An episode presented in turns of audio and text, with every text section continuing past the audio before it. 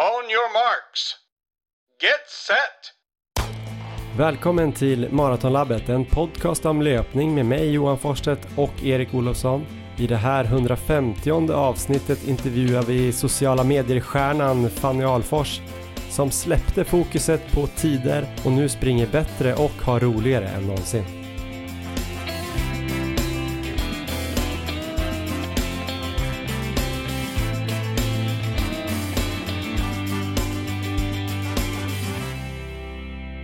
Ja, men då ska ni alltså vara varmt välkomna till avsnitt 150 av podcasten Maratonlabbet. Ett litet jubileum som eh, jag och Erik Olofsson då firar med att spela in IRL i Uppsala hemma hos den svenska rekordhållaren på 24 timmars löpning.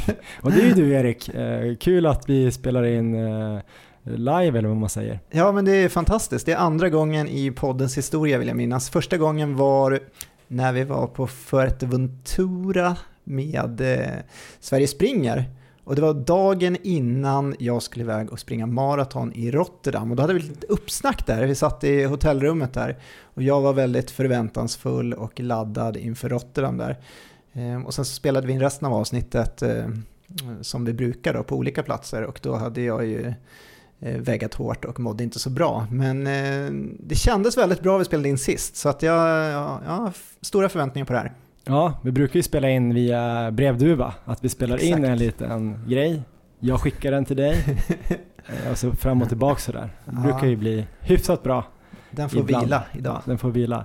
Men det är kanske en jinx där då för din form, att vi spelar in ihop och sen kommer det komma någon krasch här om en, två veckor. Ja, fast jag slog ändå pers i Rotterdam så att det ska, det ska jag klara i alla fall. Ja, det här avsnittet i alla fall, 150, kommer handla en del om eh, träningsglädje och inspiration, eh, att kanske våga ta lite andra vägar och gå ifrån det uppstyrda. Eh, något i alla fall jag känner eh, att jag behöver ibland. Jag vet inte riktigt hur det är med dig Erik. Eh, du har ju haft flera veckor där du har tränat 25-30 timmar i veckan. Drivs du bara av att se hur långt du kan komma, hur bra din kropp kan bli anpassad till löpning eller tycker du också att det är ganska kul? Hur många procent av de här 25-30 timmarna är roliga? Eh, jag skulle nog säga att alla är roliga, så att det är, nu är det inre motivation och yttre motivation som vi pratade om i ett motivationsavsnitt tidigare.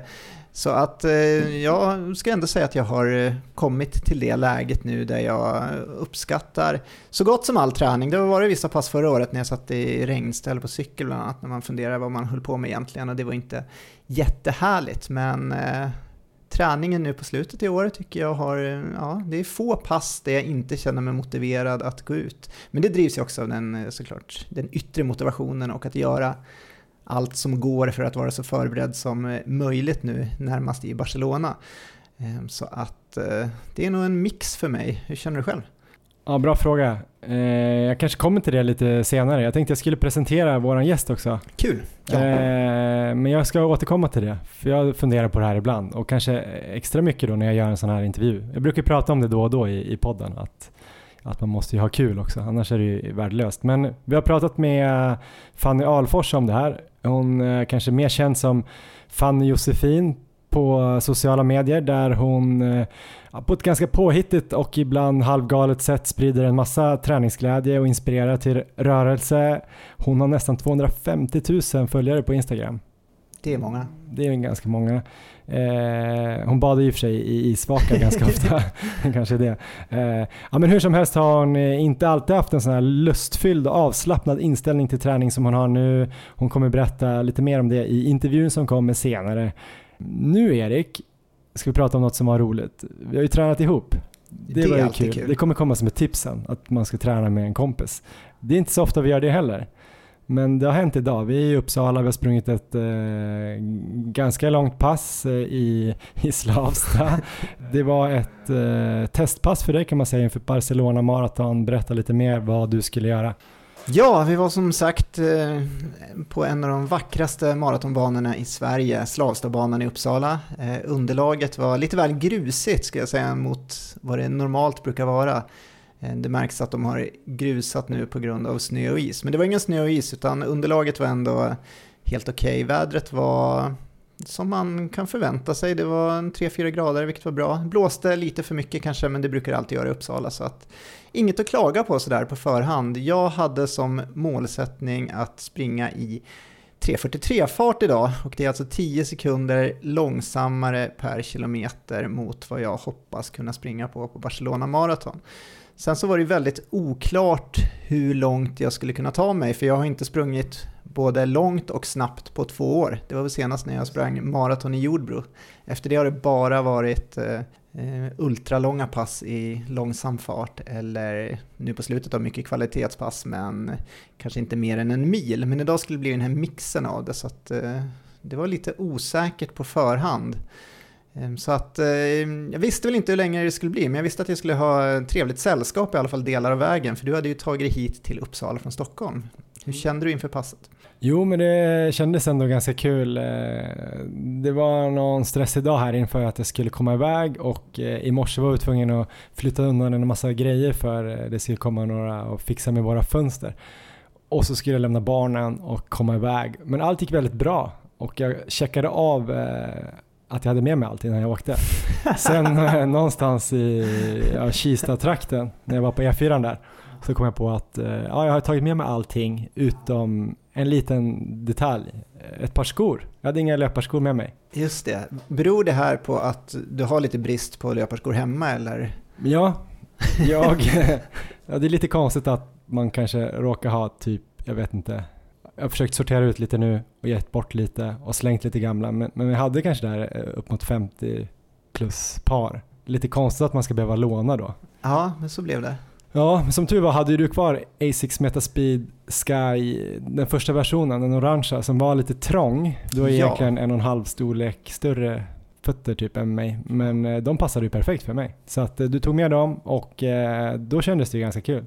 Lite sliten, men det var ett knäppt roligt pass för mig, för jag sprang ju, den här banan går ju som en åtta, plus att du skulle ta någon extra sväng då och då när du skulle ta energi, så jag kunde ju liksom mixtra lite, hänga på hyfsat långa sjok och sen köra lite joggvila och möta upp dig på olika ställen. Det var väl ungefär, jag hade väl någon typ av struktur men eh, jag hade faktiskt ingen koll när jag slutade passet på hur många kilometer jag hade sprungit i 3.40 2.43 men eh, det blev ett bra pass. Jag hade sprungit typ 25 och jag tror drygt 18 var ändå i, i 3.42 två. Så det var ett bra pass. Väldigt bra pass. Det var väldigt kul att ha med dig på det sättet, för att jag visste inte riktigt vad som skulle hända.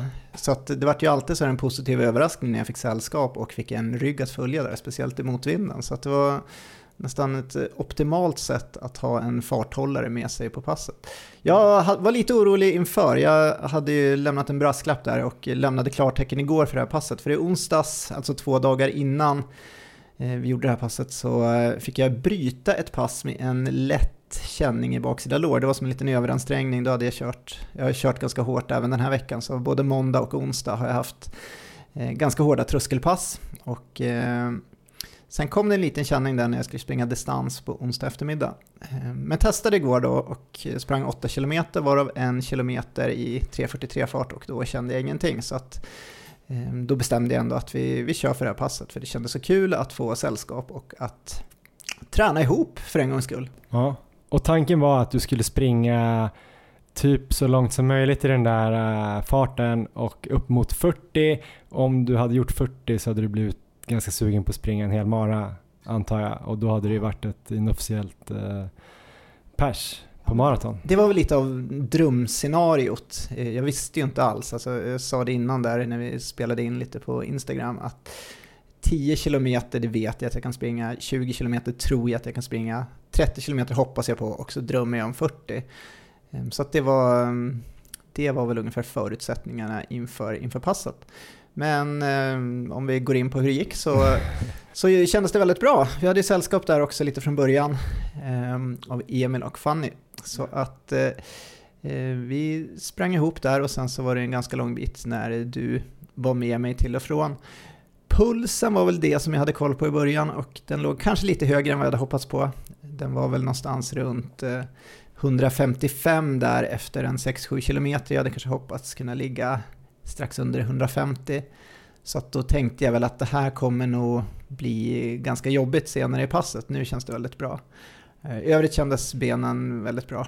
Så att jag var inte så sliten. Och 155 bara säger egentligen ingenting om man inte eh, har total koll på dig, som jag har. Men det är ungefär då 15 slag under din uppmätta anaeroba tröskel, senast du mätte i alla fall. Ja, exakt. Och det är nog ungefär där jag ligger nu, tror jag. Det jag har känt så på Så egentligen passen. var det ju typ eh, någon typ av mara Ja i och för sig, Mara Puls ja, och det här var ju lite långsammare än vad du ska springa i Barcelona. Så, ja. Okej, okay, så mm. kanske lite högre än vad du hade hoppats, men, ja. men ändå helt okej. Okay, ja, men det var helt okej okay. och framförallt så ökade den inte på utan den låg ganska stabilt där. Det var som att den stabiliserade sig och jag kunde springa med samma ansträngning där, kilometer efter kilometer. Så när vi hade kommit halvvägs, halvmaran där, så eh, hade vi lite tid till godo jag tror vi hade en, kanske en 30-40 sekunder under det tänkta snittet och då låg jag kvar i den här pulsen där runt eh, 155-156 och då blev det väldigt, här, en väldigt positiv känsla. Då kände jag att ja, men,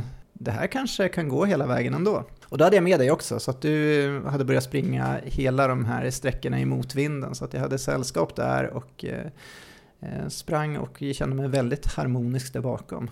Mm. Ja, hur upplevde du det? Ja, mm, nej men då kändes det som att du var på så bra humör och pigg så att då trodde jag också att du skulle springa hela faktiskt. Eh, och eh, det kändes ju kul att få hjälpa till lite. Att jag märkte att du ändå började lägga dig i rygg någonstans lite tidigare också. Att du ändå försökte utnyttja det och slippa hålla på hålla farten. Jag tror jag höll det hyfsat jämnt. Men eh, jag hade väl på förhand trott att det skulle bli hårt att köra 40 Eh, och det var ju ingen så här propagandainramning heller idag, så man kanske inte fick någon så här det kanske inte spratt i benen när man kom till Slavstad på morgonen och man såg allt det här gruset och så blåste det upp lite grann. Det var inget, inget, inget jättedåligt väder men, men eh, du hade tror jag sprungit 26 kilometer när jag gav dig dricka för sista gången och började min nedjogg. Då var du ju fortfarande väldigt, väldigt positiv och då var jag ganska säker på att det här kommer bli en ganska rolig avslutning där jag får stå och skrika dig i mål men att du kommer göra 40 kilometer. Eh, så var känslan. Ja, det hade jag också. Jag var ganska övertygad där om att det skulle hålla hela vägen. Ehm, det vart väl lite jobbigare när du hade klivit av där jag fick ta vinden själv och så, men eh, fortfarande väldigt kontrollerat och efter 30 kilometer då börjar vi närma mig 160 puls, men det är fortfarande liksom 10 slag under tröskel och Värsta scenariot är ju att jag kanske är uppe i tröskel där, men då vet jag att jag ändå kan springa hela vägen in.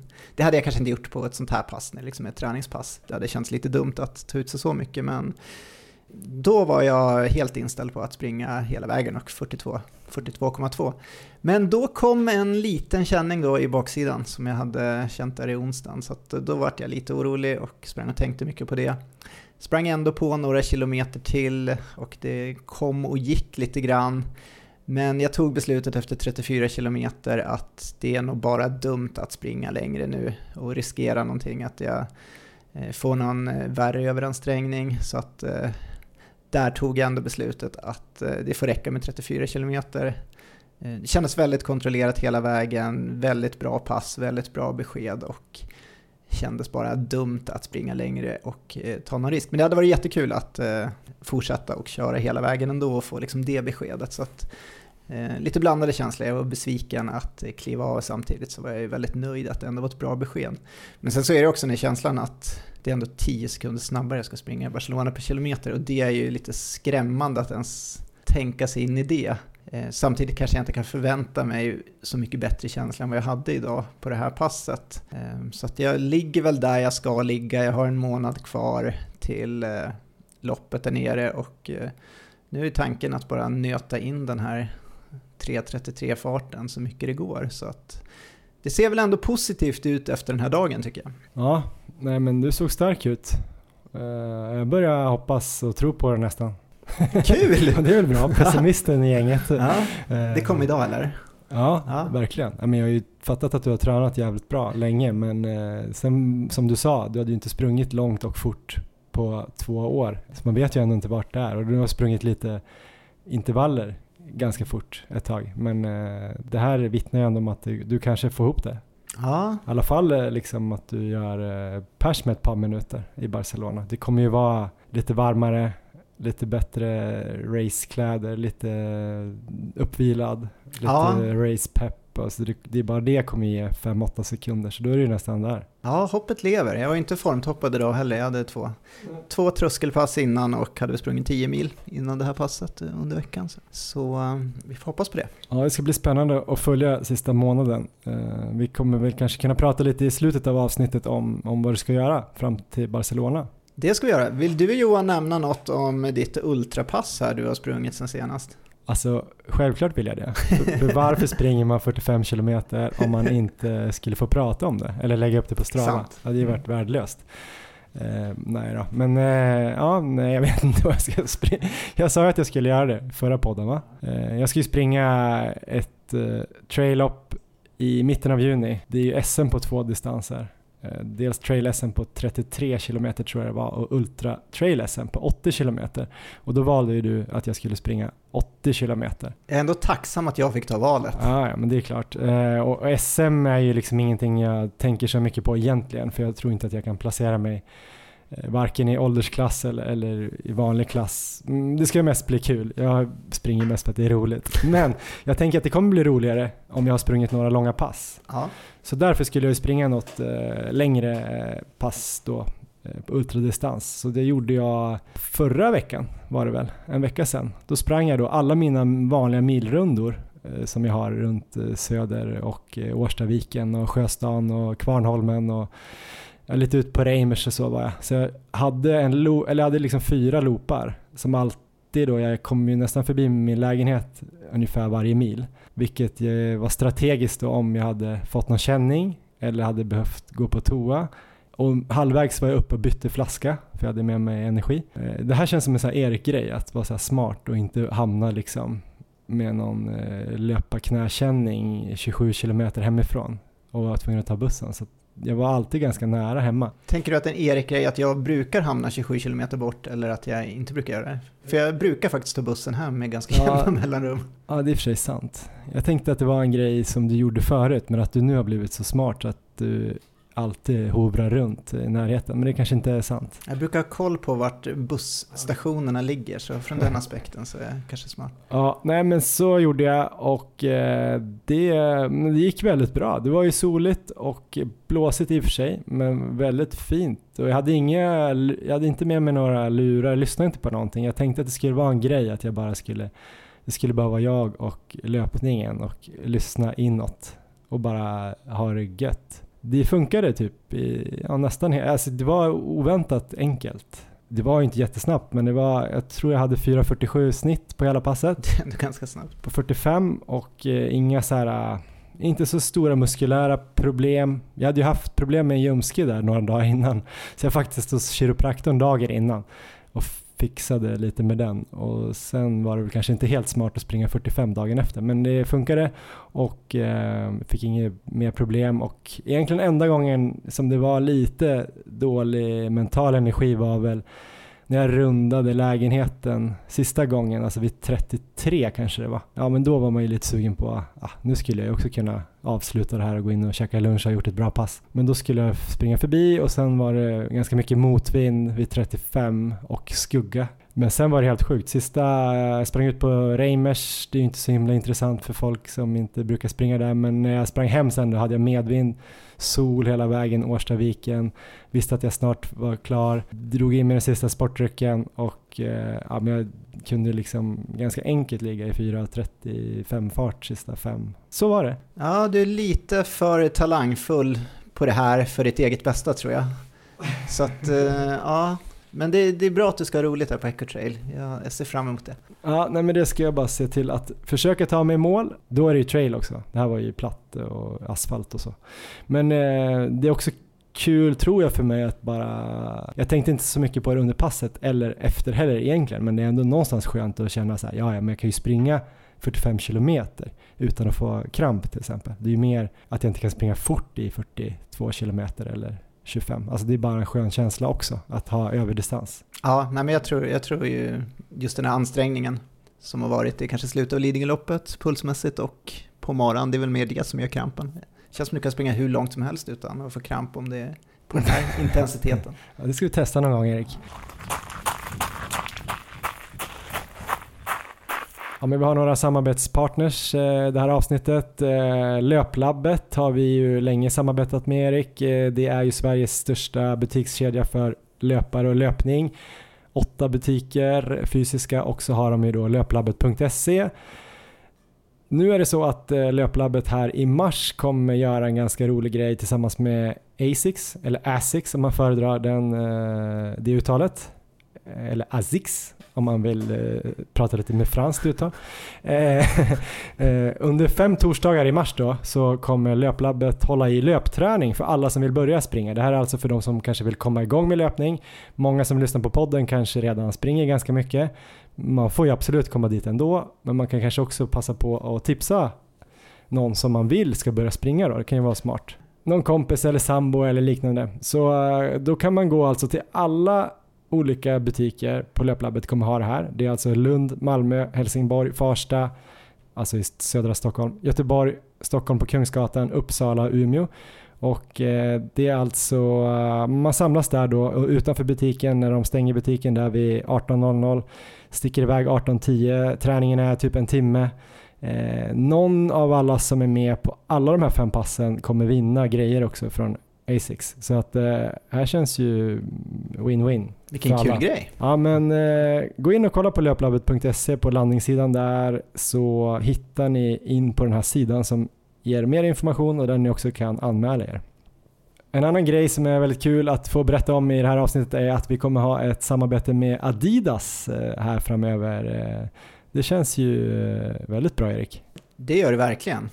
Adidas kommer vi eh, samarbeta med under våren och en bit här över sommaren. Och eh, det är väldigt kul för Adidas gör ju några av de absolut bästa skorna tycker vi. Och eh, både Adios Pro 2 och 3 har ju verkligen varit eh, konkurrenskraftiga senaste åren. Jag tror hälften av fjolårets Majors eller Major Marathons vanns av Adidas-löpare i någon av de här två skorna. Och Sveriges bästa maratonlöperska Carolina Wikström springer ju i Adidas bland annat. Eh, väldigt många andra duktiga löpare också som springer med Adidas. Emil Milan, eh, eh, Mohamed Reza, typ Lås. Eh, Erik Olofsson sprang ju väldigt mycket av sitt svenska rekordlopp i Adidas Adios Pro 3. Ja men precis, första 20 timmarna så sprang jag i eh, då var det Adios Pro 2 faktiskt. Ah, okay. Eh, jag tror inte trean hade kommit då, eller så var den precis på väg ut. Eh, men eh, väldigt trevlig sko, eh, bra energiåtergivning och ganska rymlig i framfoten gentemot några av de andra. Så att väldigt bekväm också och det är helt uppenbart att med tanke på hur många som springer bra på de här stora maratonloppen att skorna är väldigt bra. Den har gjort, gjort bra resultat i testerna också med Dustin Joubert till exempel som vi följer på Instagram. Så en av mina absoluta favoritskor, även trean då som jag börjar springa i nu. Ja men precis och eh, förutom att göra skor så är de också med och eh, sponsrar, eller de är titelsponsor för några roliga lopp eh, här i Stockholm. Jag tänker då på premiärmilen i mars, premiärhalvan i april och så ett av våra favoritlopp då, Stockholm Marathon som ju faktiskt heter då Adidas Stockholm Marathon. Jag kan säga då här att jag har lagt in alla de här tre loppen i min tävlingskalender. Får se hur det kommer gå där. Jag tror det är premiärmilen 25 mars, premiärhalvan 22 april och Stockholm Marathon 3 juni. Och där har jag sagt tidigare att jag ska försöka bli topp 100. Jag får stå fast vid det. I alla tre loppen? Ja, det kan jag väl nästan lova. Ja. jag blir topp 100 i Stockholm Marathon tror jag att jag kommer vara topp 100 i de andra två loppen också. Kul. Bra! Bra mål! Ja, det var inte så smalt tror jag de första två, men vi får väl se.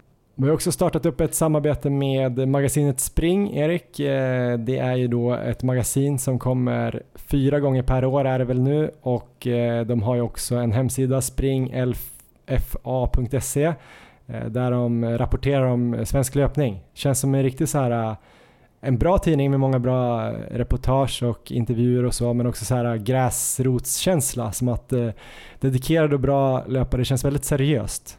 Ja. Inte så glassigt fast det är heller inte tråkigt. Förstår du vad jag menar då? Ja, jag gillar ju de här magasinen skarpt och eh, väldigt mycket bra reportage. Vi har faktiskt fått en inblick här nu i den nya utgåvan som kommer ut snart. Så jag tänkte vi kan få välja varsitt reportage därifrån Johan eh, och prata lite extra om. Och jag kommer välja då ett reportage som jag själv är med delvis i och det är ett reportage som handlar om jakten på volym så där pratar jag lite grann om eh, min cykelträning då som jag har lagt in här under vintern och berättar lite hur det har gått och hur jag upplevt det. Sen så har vi Erik Anfält där som har gästat podden tidigare och var väl ett av våra mer populära avsnitt måste jag säga. Vi fick mycket positiv feedback på det. Han eh, kompletterar ju med mycket rodd i sin träning så att han springer och sen så kör han roddmaskin. Så att han berättar om det. Och vi har även till exempel Daniel Berggren då, oerhört duktig maratonlöpare som framförallt kompletterar med crosstrainer. Så det reportaget är väl värt att läsa och fundera på om man kanske kan eh, göra någonting extra för att komma upp i lite högre totalvolym i träningen. Jag har fastnat för två grejer, kan dra det kort här. Eh, Linus Rosdahl, en av Sveriges bästa maratonlöpare, är den här 24 timmars profilen. Och det är inte då att han ska springa 24 timmar som alla andra sjuka, sjuka människor i det här rummet, utan det är att de följer honom i 24 timmar och gör ett reportage om honom helt enkelt. Och eh, här i slutet så känns det väldigt, väldigt intressant. Eh, en unik intervju med Jonas Glans där läsarna kommer kunna ta del av sex månaders träningsprogram i detalj, alltså sex månader inför svenska rekordet på 10 km landsväg. Wow, då vet man ju precis vad man ska göra sen för att ja. springa nästan så snabbt i alla fall. Assault bike. ja, just det. Och eh, ja, säkert jävligt snabba intervaller ibland. Den 7 mars så är det i alla fall sista dagen att teckna sig för en prenumeration av Spring om man vill ha årets fyra springböcker på 200 sidor per bok. Och eh, man kan såklart också beställa och bara testa en utgåva. Så gå, gå då in på springlfa.se Eh, snedstreck shop. Eller så kan ni beställa ett lösnummer på springlfa.se snedstreck losnummer.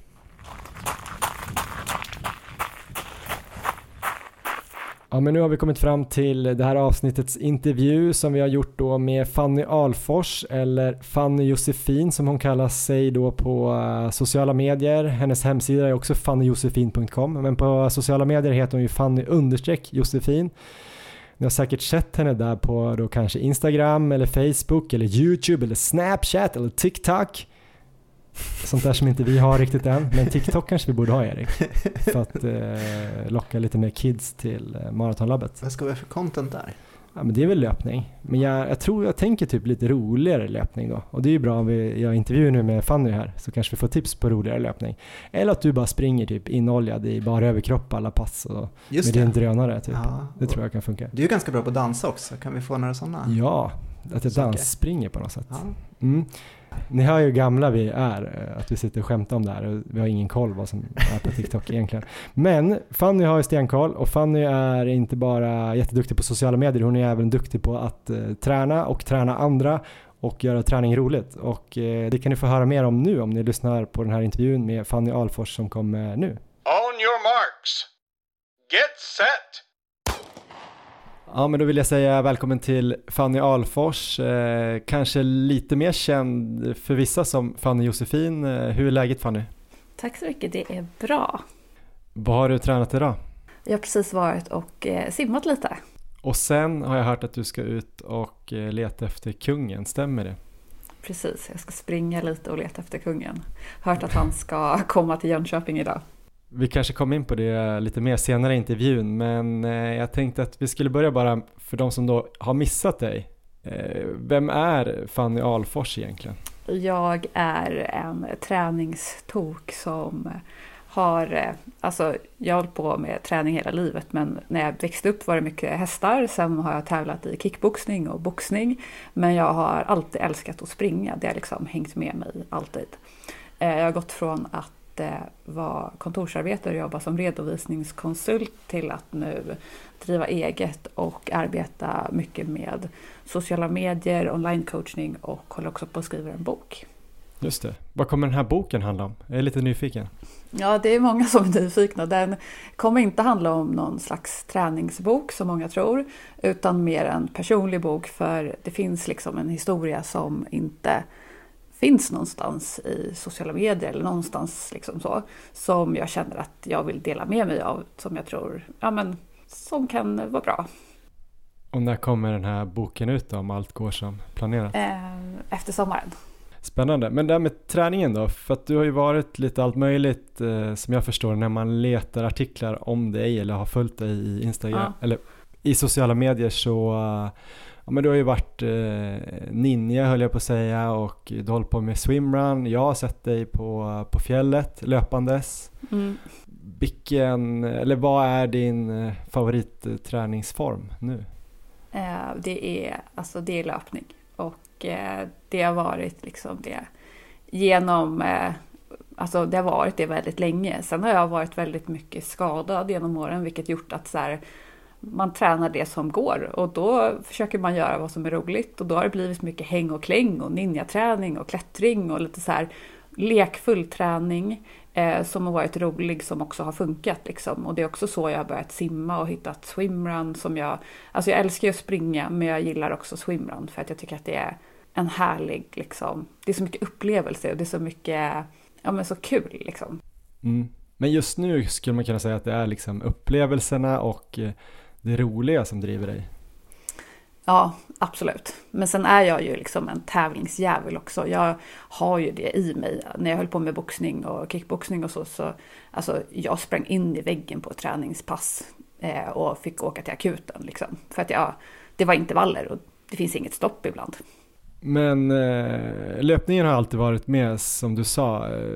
Men det fanns också en tid när du liksom satsade ännu mer. Du var en sån där löpare som kanske jagade tider som ja, jag i viss mån är och många andra som lyssnar på den här podden. Hur var det för dig? Berätta lite mer om det. Mm, jag eh, jobbade på ett företag som var huvudsponsor till Lidingöloppet, vilket också var liksom, det var mycket fokus på Lidingöloppet och eh, jag ville såklart också jag ville springa den sista milen där, 10 kilometer, och jag ville springa den snabbt. Och jag liksom sprang alla passen och jagade bara att vara så här snabb liksom. Och min träning var väldigt mycket så här pressa hårt hela tiden. Och det skulle gå snabbt. Och det gjorde ju också att jag var liksom jag var skadad sju år i rad så jag kunde inte springa den där Lidingö-milen liksom. Eh, för att jag bara, jag hade för stort fokus på det liksom. Det var liksom Lidingöloppet eh, 40 var liksom mitt lösenord på datorn för att jag var så, så fokuserad på att göra allt för att klara det. Men jag övergjorde allting för mycket så att det blev bara dåligt liksom. Och eh, sen så insåg jag under ett lopp när jag var och sprang i Frankrike något år senare, när jag liksom kunde springa lite och eller kunde springa, jag kunde springa hela tiden, men när jag hade liksom varit lite hel ett tag så skulle jag springa eh, ett lopp som var, jag tror det var 27 kilometer i Frankrike och kom i mål med en stressfraktur i foten. Eh, och då, där och då var jag så här, det här var värt det. För jag fick uppleva ett lopp som var så här bland vilda hästar och klarblåa sjöar och jag bara, det är sånt här jag vill göra. Alltså, det är sånt här jag vill springa och se såna här saker, uppleva såna här saker. För att jag, där då insåg jag också att även om jag skulle nå det där målet på Lidingö loppsmilen, det är klart att jag fortfarande vill göra det, men jag insåg där och då att jag kommer inte vara nöjd. Jag kommer fortsätta jaga tider, jag kommer fortsätta hitta fel, att det kändes inte bra. Det kommer liksom, det kommer inte göra mig nöjd eller glad om jag når den där tiden, utan jag vill göra sånt här som faktiskt känns så här inne i kroppen som att man bara så här, wow, vad härligt det här var eller vad häftigt det var. Så eh, på något sätt så jättejobbig väg att nå dit med stressfraktur, men det var ändå så här, ja men jag är tacksam för just den stressfrakturen liksom. Mm. Men har du helt släppt den biten eh, nu? Alltså nu har det gått en massa år och jag vet ju att du är i bra form fortfarande. Skulle du plötsligt kunna tänka dig springa liksom Lidingöloppet 10 nu och se hur det skulle gå eller, eller har du helt lagt det bakom dig? Eh, jag, jag vet inte. Men jag, alltså så här, jag har ju fortfarande en tävlingsjävel i mig och på swimrun till exempel så tävlar jag ofta med eh, min sambo och när vi så ska starta så står jag där och bara vi ska ta det lugnt, vi ska inte så stressa någonting och sen ska jag ändå dra iväg i ett himla tempo och springa snabbt och så här. Det är någonting som händer när det är tävling och men jag försöker tagga ner det lite i mig själv också på träning och så här för att jag vet att det är inte gynnsamt för mig för det gör bara att jag springer sönder mig för att jag tar i för mycket liksom, eller att jag sätter för höga krav och det blir så mycket press. Och, och jag kan också sätta väldigt mycket så prestations, alltså press på mig själv om jag springer lopp själv. Att eh, jag pressar mig för hårt och sen så blir jag inte nöjd och så. så att Jag sprang ett lopp själv förra våren. Då sprang jag med en GoPro och filmade hela loppet, eller inte hela loppet, men delar av loppet bara för att så här, koppla bort att det var ett lopp. Utan bara så här, om någon frågar hur det gick, ja men det gick bra, jag gjorde en film av det liksom, så här, det var kul. ja, men att så här, släppa pressen lite och det funkade. Och sen så om det blir en bra tid, det är så här bonus liksom. Men jag vill ha en hög lägstanivå. Så att det är inte att jag tränar bara så här, springer lite. Jag vill ju fortfarande prestera och ha en bra lägstanivå. Men jag är inte så himla taggad på att så pressa för hårt. För jag vet att jag kommer bli skadad. Eller det är en stor risk att jag kommer bli skadad. Men du säger ju att du ändå har koll på din nivå på något sätt. Jag såg att du gjorde något löpbandspass häromdagen med liksom om det var en kilometer, två kilometer, något typ av intervallpass med nio kilometer totalt. Eh, då vet du ganska direkt vart du står i löpningen ändå, så du gör sånt också.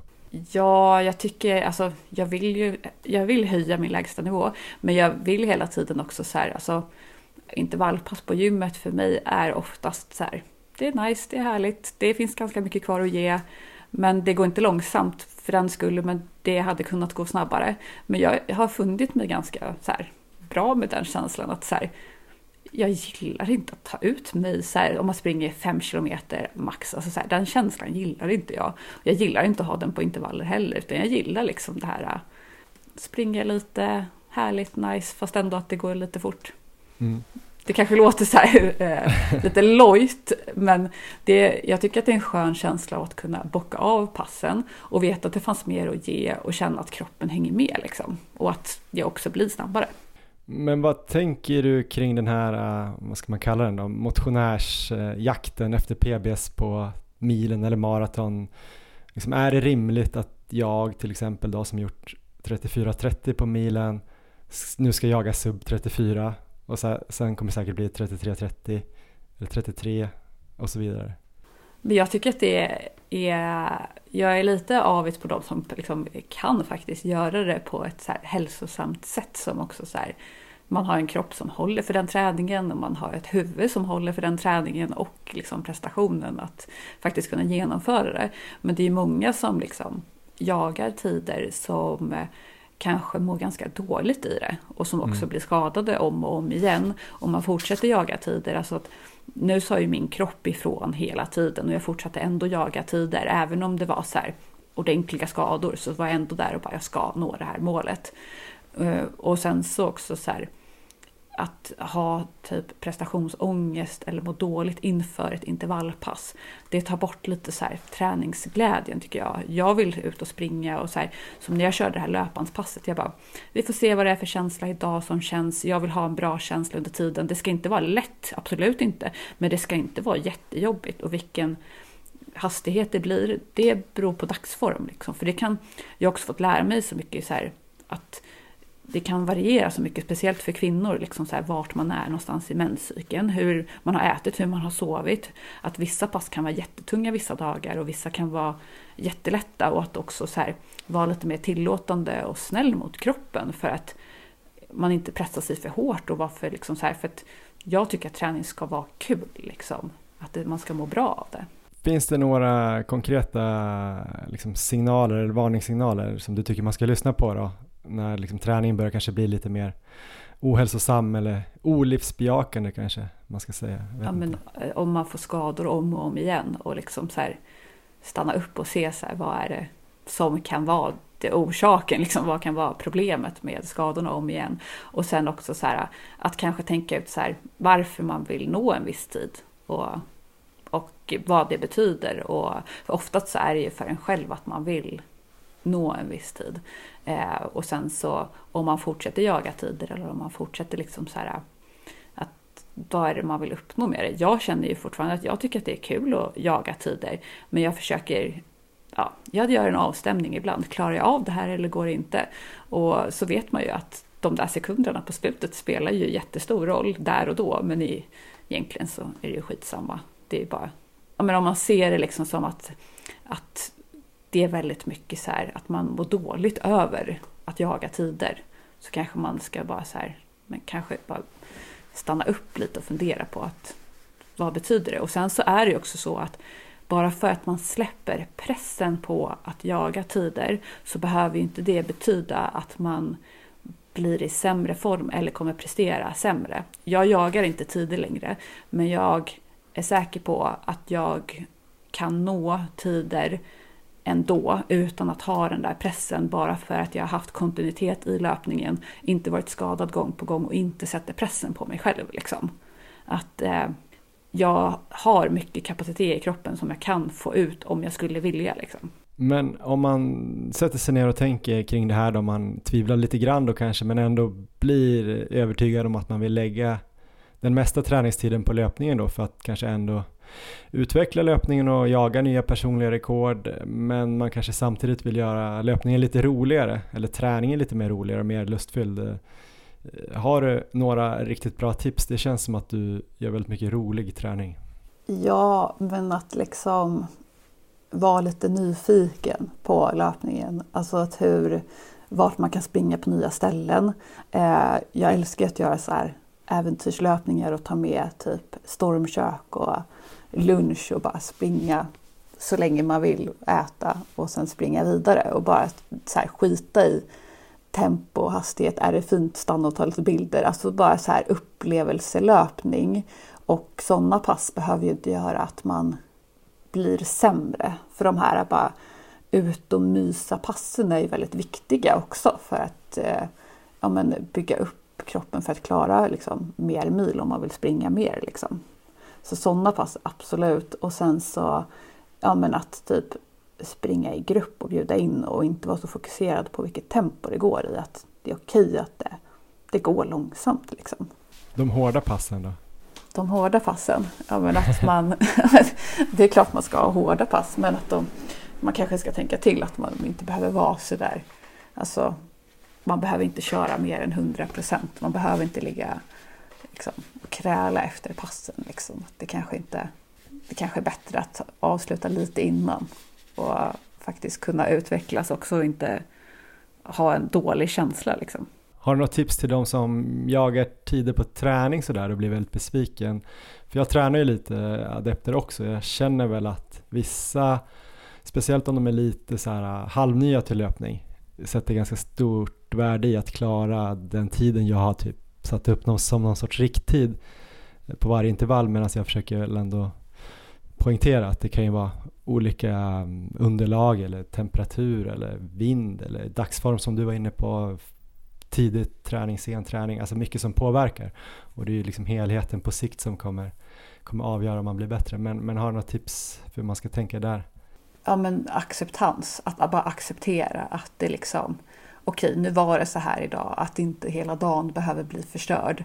Eller att man behöver så gräva ner sig i dåliga tankar bara för att ett pass blev dåligt. Liksom. Eller dåligt, att det inte blev exakt de tiderna som var planerat innan. För det är ganska svårt också att så här, kontrollera och förutbestämma. Nu ska jag springa exakt det här i det här tempot, den här distansen. Och sen hänger inte kroppen med eller att det inte känns bra. Och sen blir man liksom besviken och sen så håller det i sig för att man går in i de tankarna, att bara acceptera så här, så här var det idag och det är helt okej.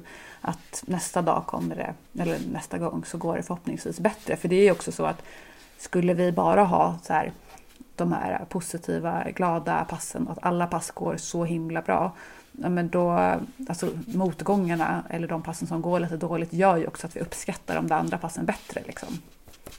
Om alla pass bara skulle vara så här medelmåtta, typ, helt okej det är ganska tråkigt då. Man vill ju ha ändå de här riktigt bra passen och då krävs det också att man har de här riktigt pissiga passen också. Liksom. ja, men. ja, även kontraster i livet. Ja. Men eh, vi var inne på det lite där i början, men du springer ju mycket i dels i naturen och sen såg jag en rolig film när du var ute och, och letade olika saker. Jag vet inte om du hade fått in från dina följare vad du skulle leta efter. Men eh, nu skulle du leta en kung tydligen.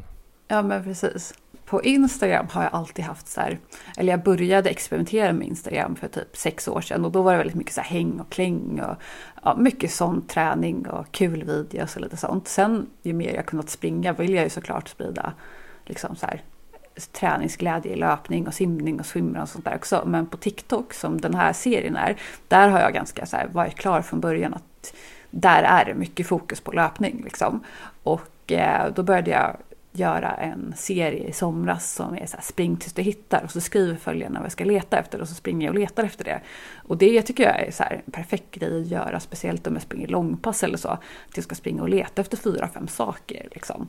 Eh, och så håller jag på och filmar med GoPro, sen snabbspolar jag ihop det så att det blir ungefär typ 45 sekunder till en minut. Så eh, idag så ska ju då kungen till Jönköping där vi bor, så jag ska försöka springa och se om jag faktiskt kan hitta honom. Jag tror han är svårt att få med på så här en film. Jag tror inte att att vara med och prata. Jag får nog bara så här, här, där borta är han. Men jag gjorde när jag hittade eh, prins Daniel och han ställde ju upp och så här, hej hej, hur är läget? Och pratade liksom i videon. Mm. Visste han att du hade x antal hundratusen följare då på TikTok? Eh, Kanske. ja. ja, han visste det. Vi, ja, jag kanske vi, inte hade gjort det om jag hade kommit. vi är ambassadörer för Generation Pep som är Ja, eh, deras stiftelse som jobbar liksom med barn och ungas, alltså att barn och unga ska röra på sig mer och så. Sprida träningsglädje helt enkelt och når väldigt många av den generationen på framförallt TikTok. Har du själv något mål med löpningen eller eh, swimrun för 2023? Är det någonsin så att ni är med och tävlar för typ att placera er? Du och Patrik?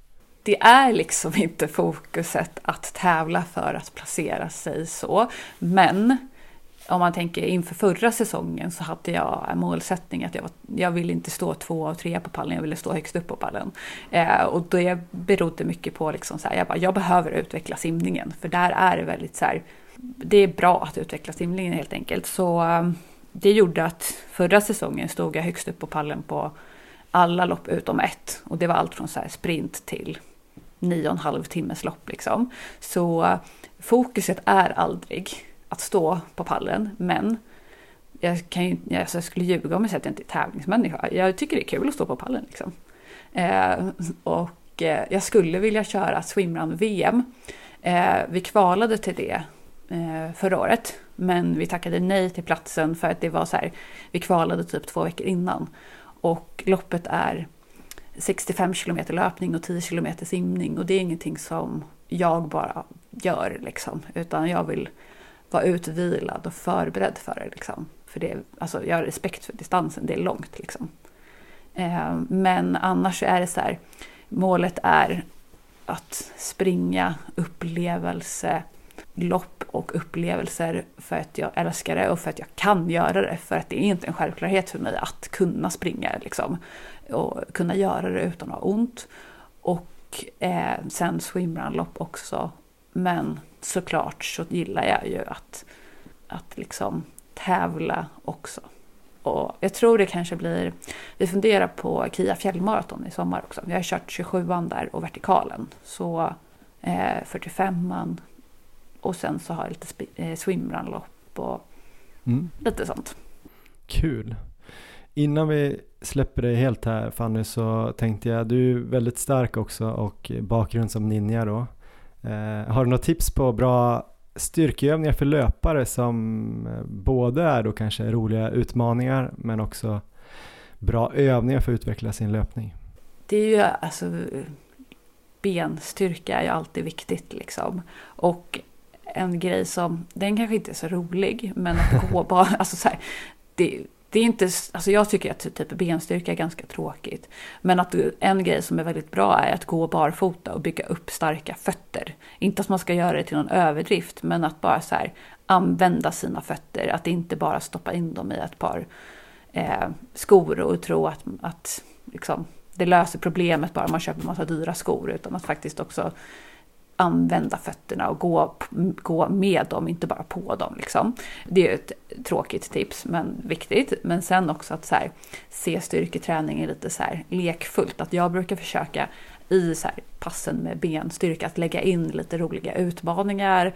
Att eh, testa på saker som, alltså jag gillar ju pull-ups, muscle-ups och mycket sånt. Att liksom vara stark allmänt stark liksom i kroppen. Så bästa tipset är väl bara att här, vara nyfiken och kolla, ser man någonting? Det finns ju hur mycket som helst i sociala medier, och, alltså så här, utmaningar och sånt. Testa, går det inte, testa igen och några gånger till. Och att man eh, blir liksom starkare på köpet och det kommer oftast inte så här, man klarar det oftast inte på en gång utan att det är lite övning också. För det, ja, man, eh, blir stark av att göra lite roliga saker också. Att se lite mer så här avslappnat på träningen och att få in liksom att det inte att det inte är den som tränar mest hela tiden som kommer bli bäst utan att faktiskt träna smart och tagga ner lite ibland när det behövs. Att inte bara så här hetsa, hetsa, hetsa utan tagga ner lite och få in balans också. Att det, är, det är viktigt att vila och återhämta sig också. Bra slutord Fanny. Tusen tack för att du tog dig tid att vara med i Maratonlabbet.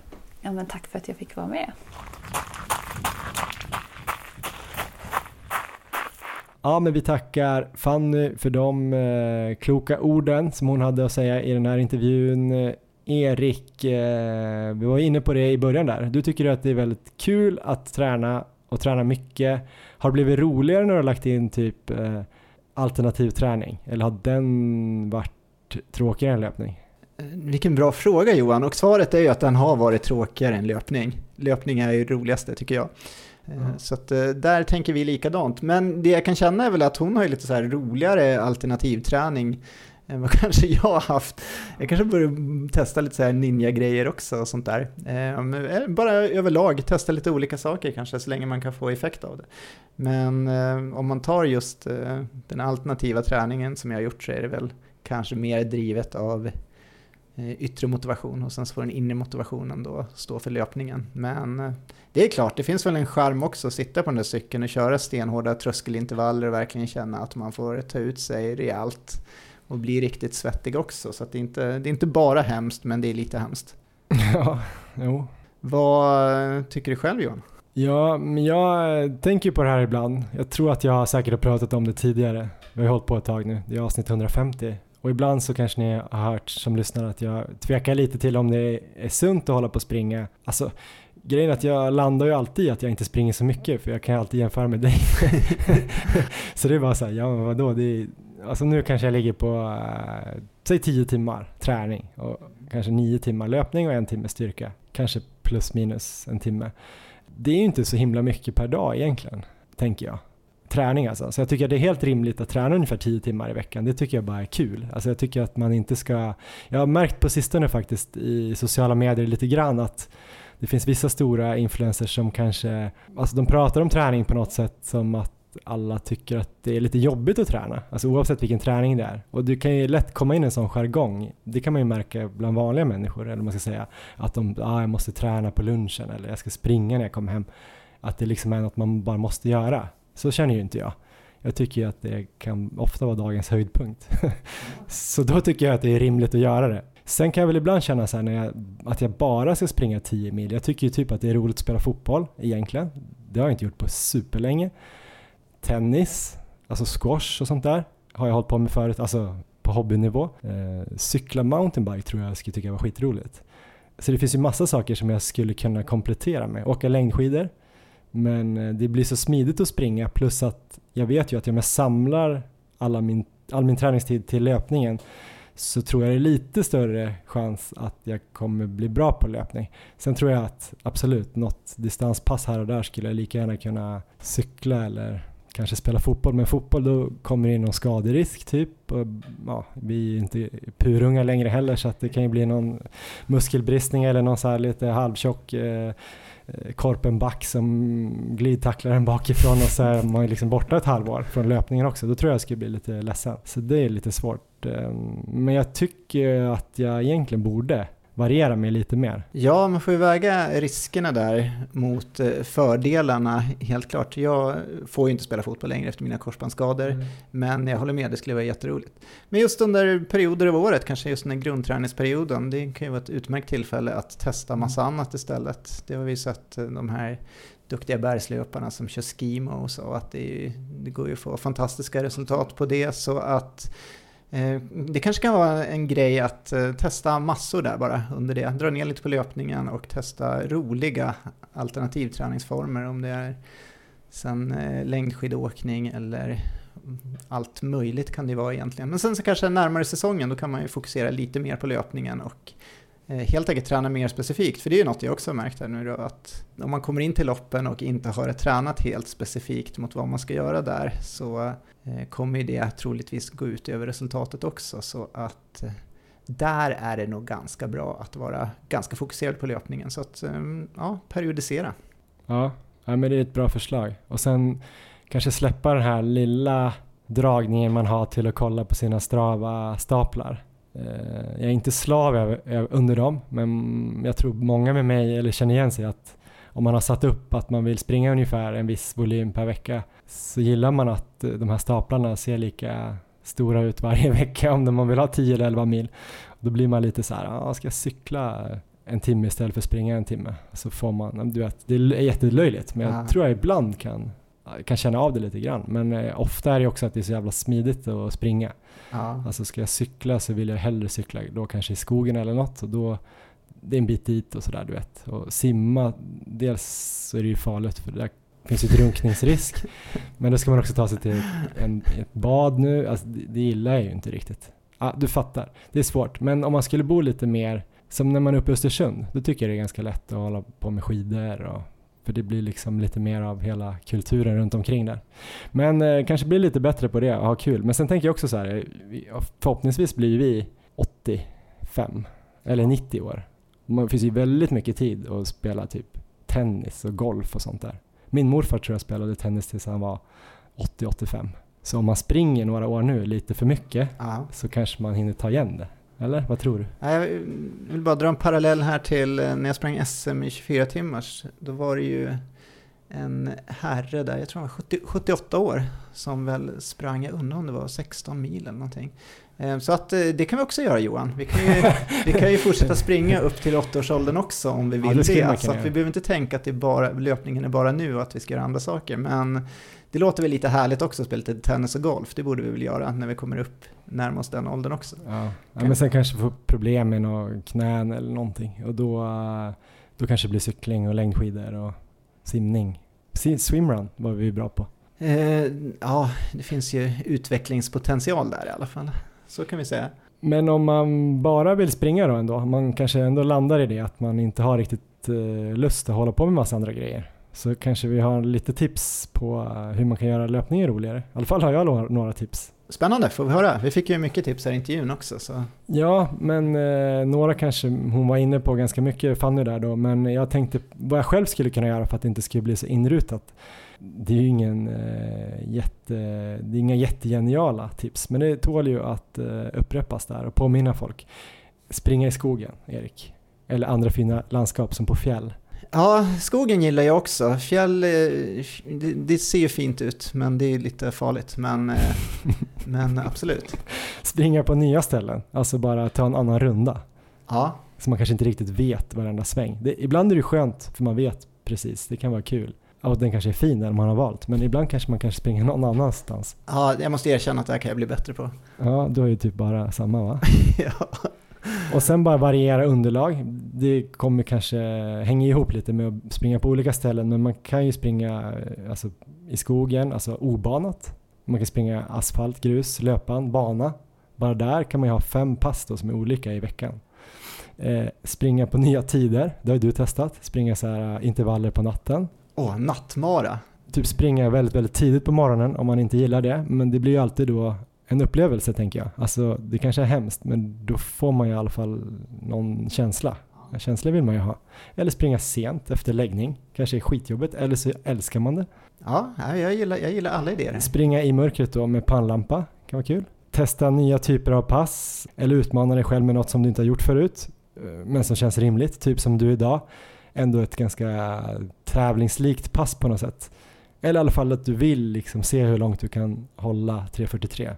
Det är ju ganska, rolig, ganska roligt pass ändå. Ja men det tycker jag. Mitt pass var ganska roligt också. Helt oregelbundet. Jag sprang intervaller mellan en och en halv och tre kilometer ungefär idag.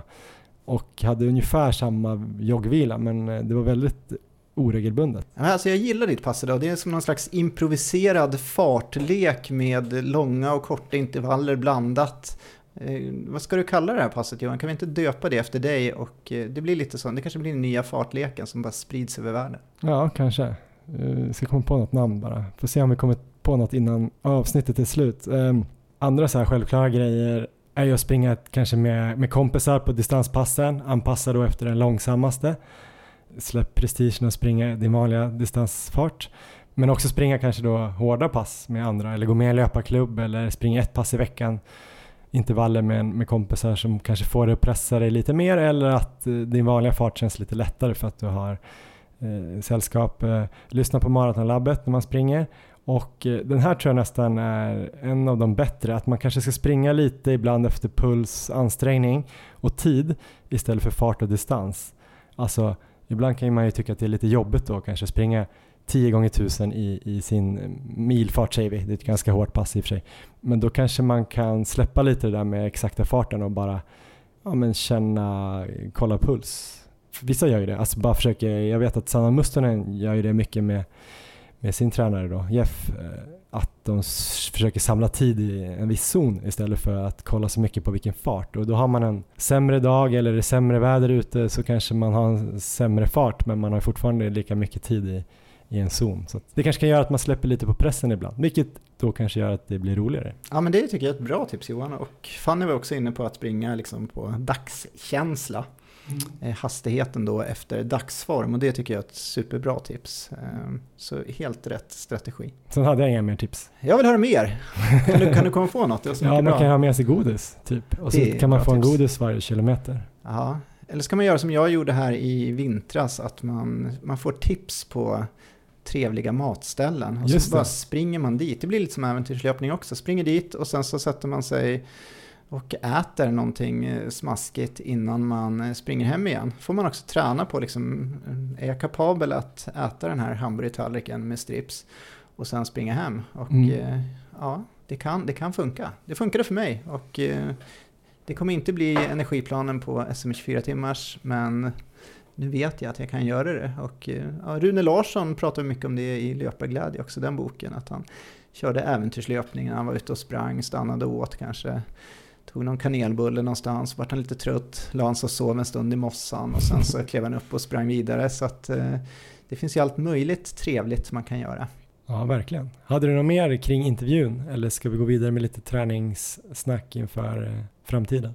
Ja, men det var, jag tycker jag tycker Fanny är inne på väldigt många bra saker där som hon gör i sin träning nu. Det här just med att springa kvaliteten kontrollerat nu och att ha några intervaller kvar, det är ju helt rätt strategi där också. Hon var inne på att det kanske var lite lojt, men jag tycker inte alls det är lojt, utan jag tycker det är smart och eh, helt rätt. Och jag tror det kommer gynna hennes både löparglädje och även om hon skulle få för sig att jaga tider och sådär också nu. Nu har hon ju helt klart fått till kontinuiteten så att eh, jag tycker hon gör allt rätt. Ja, och på tal om allt rätt Erik så uh, behöver du göra allt rätt nu sista månaden här inför Barcelona Marathon för att du ska kunna springa under 2.30, eller? 100 procent. Det är...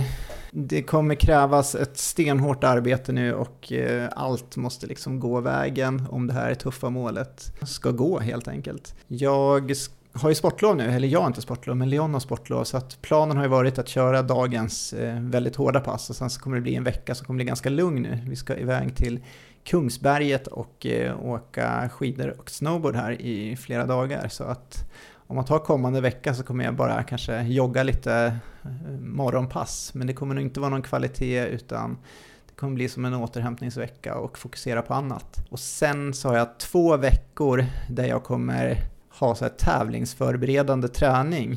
Och planen är då att springa massor av tävlingsfart.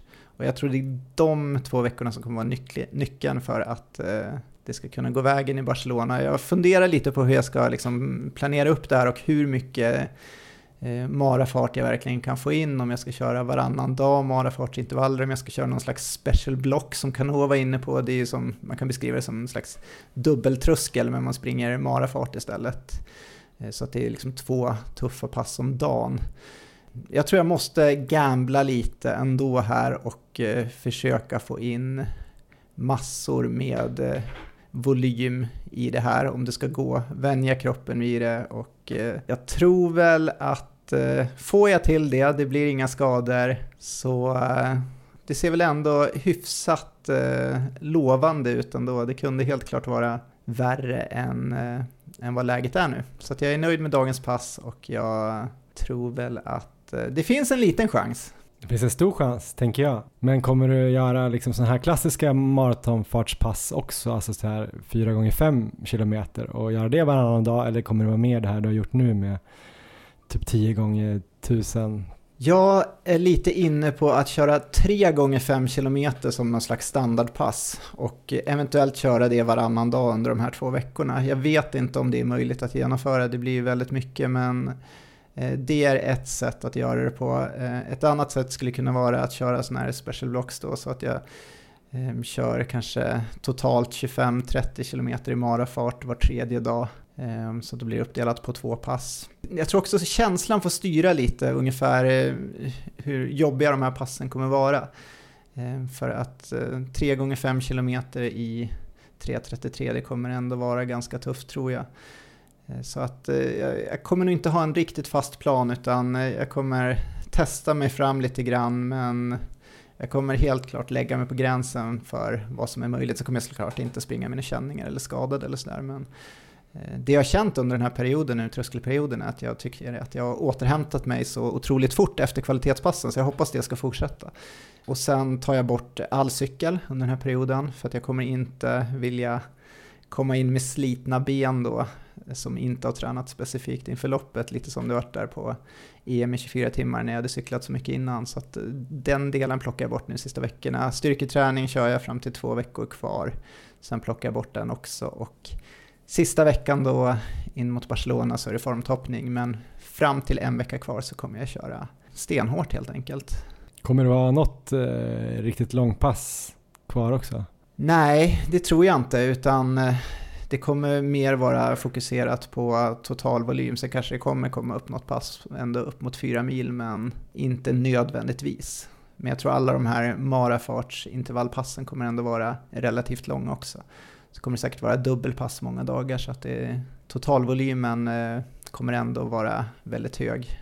Mm, spännande. Så lite så ser tankarna ut, men det är liksom inte ett helt spikat schema utan jag får vara lite flexibel också. Vad händer för dig närmast Johan? Jag fortsätter och tränar löpning. Kul. Mest. Eh, jag fortsätter, nu är jag väl i vecka ett och mitt nya block då, eller vecka fem av de här 12 veckorna som jag håller på med. Nu ändrade jag faktiskt om det lite för jag är en så flexibel och härlig person. Nej, men jag ändrar lite. Egentligen har jag backe på fredagar. Men jag körde som en dubbel i onsdags med, med ett tröskelpass innan lunch och så körde jag ett nedkortat backpass på kvällen. Så att en, en, det kanske är något nytt. Är det något nytt? Typ en dubbel tröskelpass. En tröskel och en backe. Det är ju inte dubbel tröskel. Kan det också vara något nytt som man kan två, döpa efter två mig? Två nya pass. Vad, vad ska det första passet heta förresten? Din eh, speciella fartlek där? Jag vet inte. Johnny Boy. ja, det har Funkar det. Ja. Okay. Nej, men, så, eh, men annars har jag ju de här veckorna som jag snurrar runt på egentligen. Där det är då måndag, kvalitet, dubbeltröskel onsdag, backe fredag, lugnt långpass lördag, vila söndag. Men den här veckan blev det ju lite annorlunda. Men jag har fått ihop ungefär samma mängd och samma typ av kvalitetspass. Fast idag blev det ju ett lite hårdare långpass. Å andra sidan blir det lugnare i helgen då. Men eh, så det håller jag på med. Och så får jag väl bara se så att jag håller mig på rätt sida gränsen. Det kanske låter löjligt för dig men jag kan känna ändå att jag har haft lite så små grejer. Alltså typ de här stela ljumskarna som blev ju värre av att det blev väldigt halt och jag var ändå dum nog att springa när det var halt och eh, det gick bra på passet men kände efteråt, det har jag gett mig förbud mot nu om det kommer något mer snö och is så inga kvalitetspass ute. Och sen ja, jag har lite ont under en fot nu. Det är nog bara en stressfraktur men, men det kan man springa igenom. Johan, man skämtar inte om sånt. Just det, förlåt. Nej då. På ett sätt är det skönt att det kommer lite så här äh, små känningar som inte är skador. För då vet jag någonstans att jag kanske inte kan träna så mycket mer eller hårdare. Jag kanske skulle träna mer om jag drar bort kvalitet i och för sig. Och det kanske är en rimlig grej också. Men nu provar jag ju det här lite grann. Men eh, det är ju inte skönt att eh, känna sig lite sliten. Så att, eh, vi får väl se. Jag tror kanske att det kommer lossna framöver. Alltså det såg ju otroligt lätt ut idag när du var ute på ditt fartläggspass här och eh, harade mig. Mm, lätt och eh, bra steg i den farten. Så att... Ja men jag blev ju väldigt positivt överraskad efter passet när jag skulle räkna ihop hur många kilometer jag hade i runt, ja, vad var det, 341, 42 var väl snittet. Jag såg att jag hade någon kilometer i 33 och då får jag be om ursäkt om jag drog Ah, lite hårt där. Men det var väl kanske nedförsbacken där. Var det någon nedförsbacke? Men det kändes så. Eh, men, eh, ja, men det kändes ju ändå bra med tanke på dagens form och eh, yttre förutsättningar och sådär och vart vi är i, på året. Så mm, ja, det kanske blir bra. Jag hoppas ju också att man får någon sån där någon vecka framöver där det bara man känner att, att, att man har tagit ett kliv. Det tror jag kommer. Jag sover bättre nu. Ja, härligt. Jag tror, alltså, jag är bara så glad att vi kan ha de här avsnitten nu när båda sitter och är positiva, skadefria och träningen rullar på bra. Så att eh, vi får njuta av varje sånt här avsnitt vi kan släppa. Det är inte, det är inte säkert att det kommer vara så om två veckor, men vi får hoppas på det. Ja, verkligen. Det får bli eh, någon sorts prio. Eh, det skulle vara väldigt tråkigt att inte kunna fortsätta springa faktiskt. Till slut då, vi kanske ska tipsa om att vi har Instagram också, även om vi inte har 245 000 följare där, men det kanske kan bli. Det ska det bli. Tipsa alla om Maratonlabbets Instagram och TikTok då, där vi kanske får se mig dansa och dig inoljad på löprundor. Eller i isvak kanske. Eh, vi har ju Strava också. Johan Forsstedt och Erik Olofsson heter vi där. Vi har, vanliga, våra, vanliga, vi har våra vanliga Instagramkonton. Johan Forsstedt och Erik.olo. Vi har också en eh, omröstning som man ska gå in och rösta på dig i. Det kanske inte du vill säga själv, men jag tycker det. Man ska gå in och rösta på årets ultralöpare och då är du nominerad till, till det priset. Jag tror det är, är det sex tjejer och sex killar? Är det en tjejklass och en killklass eller? Ja, men det stämmer. En, en tjej och en kille ska röstas fram. Så att, eh, ja, det tack för tycker det jag att man ska göra. Och vart gör man det? Det är väl på ultramaraton.th.se. Ja. Gå in där och rösta på Erik som årets eh, ultralöpare. Han har ju ändå eh, tagit SM-guld och slagit svenskt rekord på 24 timmars. Det borde räcka långt tycker jag. Så är det en härlig prick också. Tack snälla. Och snabb. Ja, tack för den här veckan. eh, Live-vecka. Vi får väl se hur det här blev, men det var i alla fall avsnitt 150, litet jubileum. Kul att ni lyssnar. Ha det bra. Tack för idag. Tack, hej.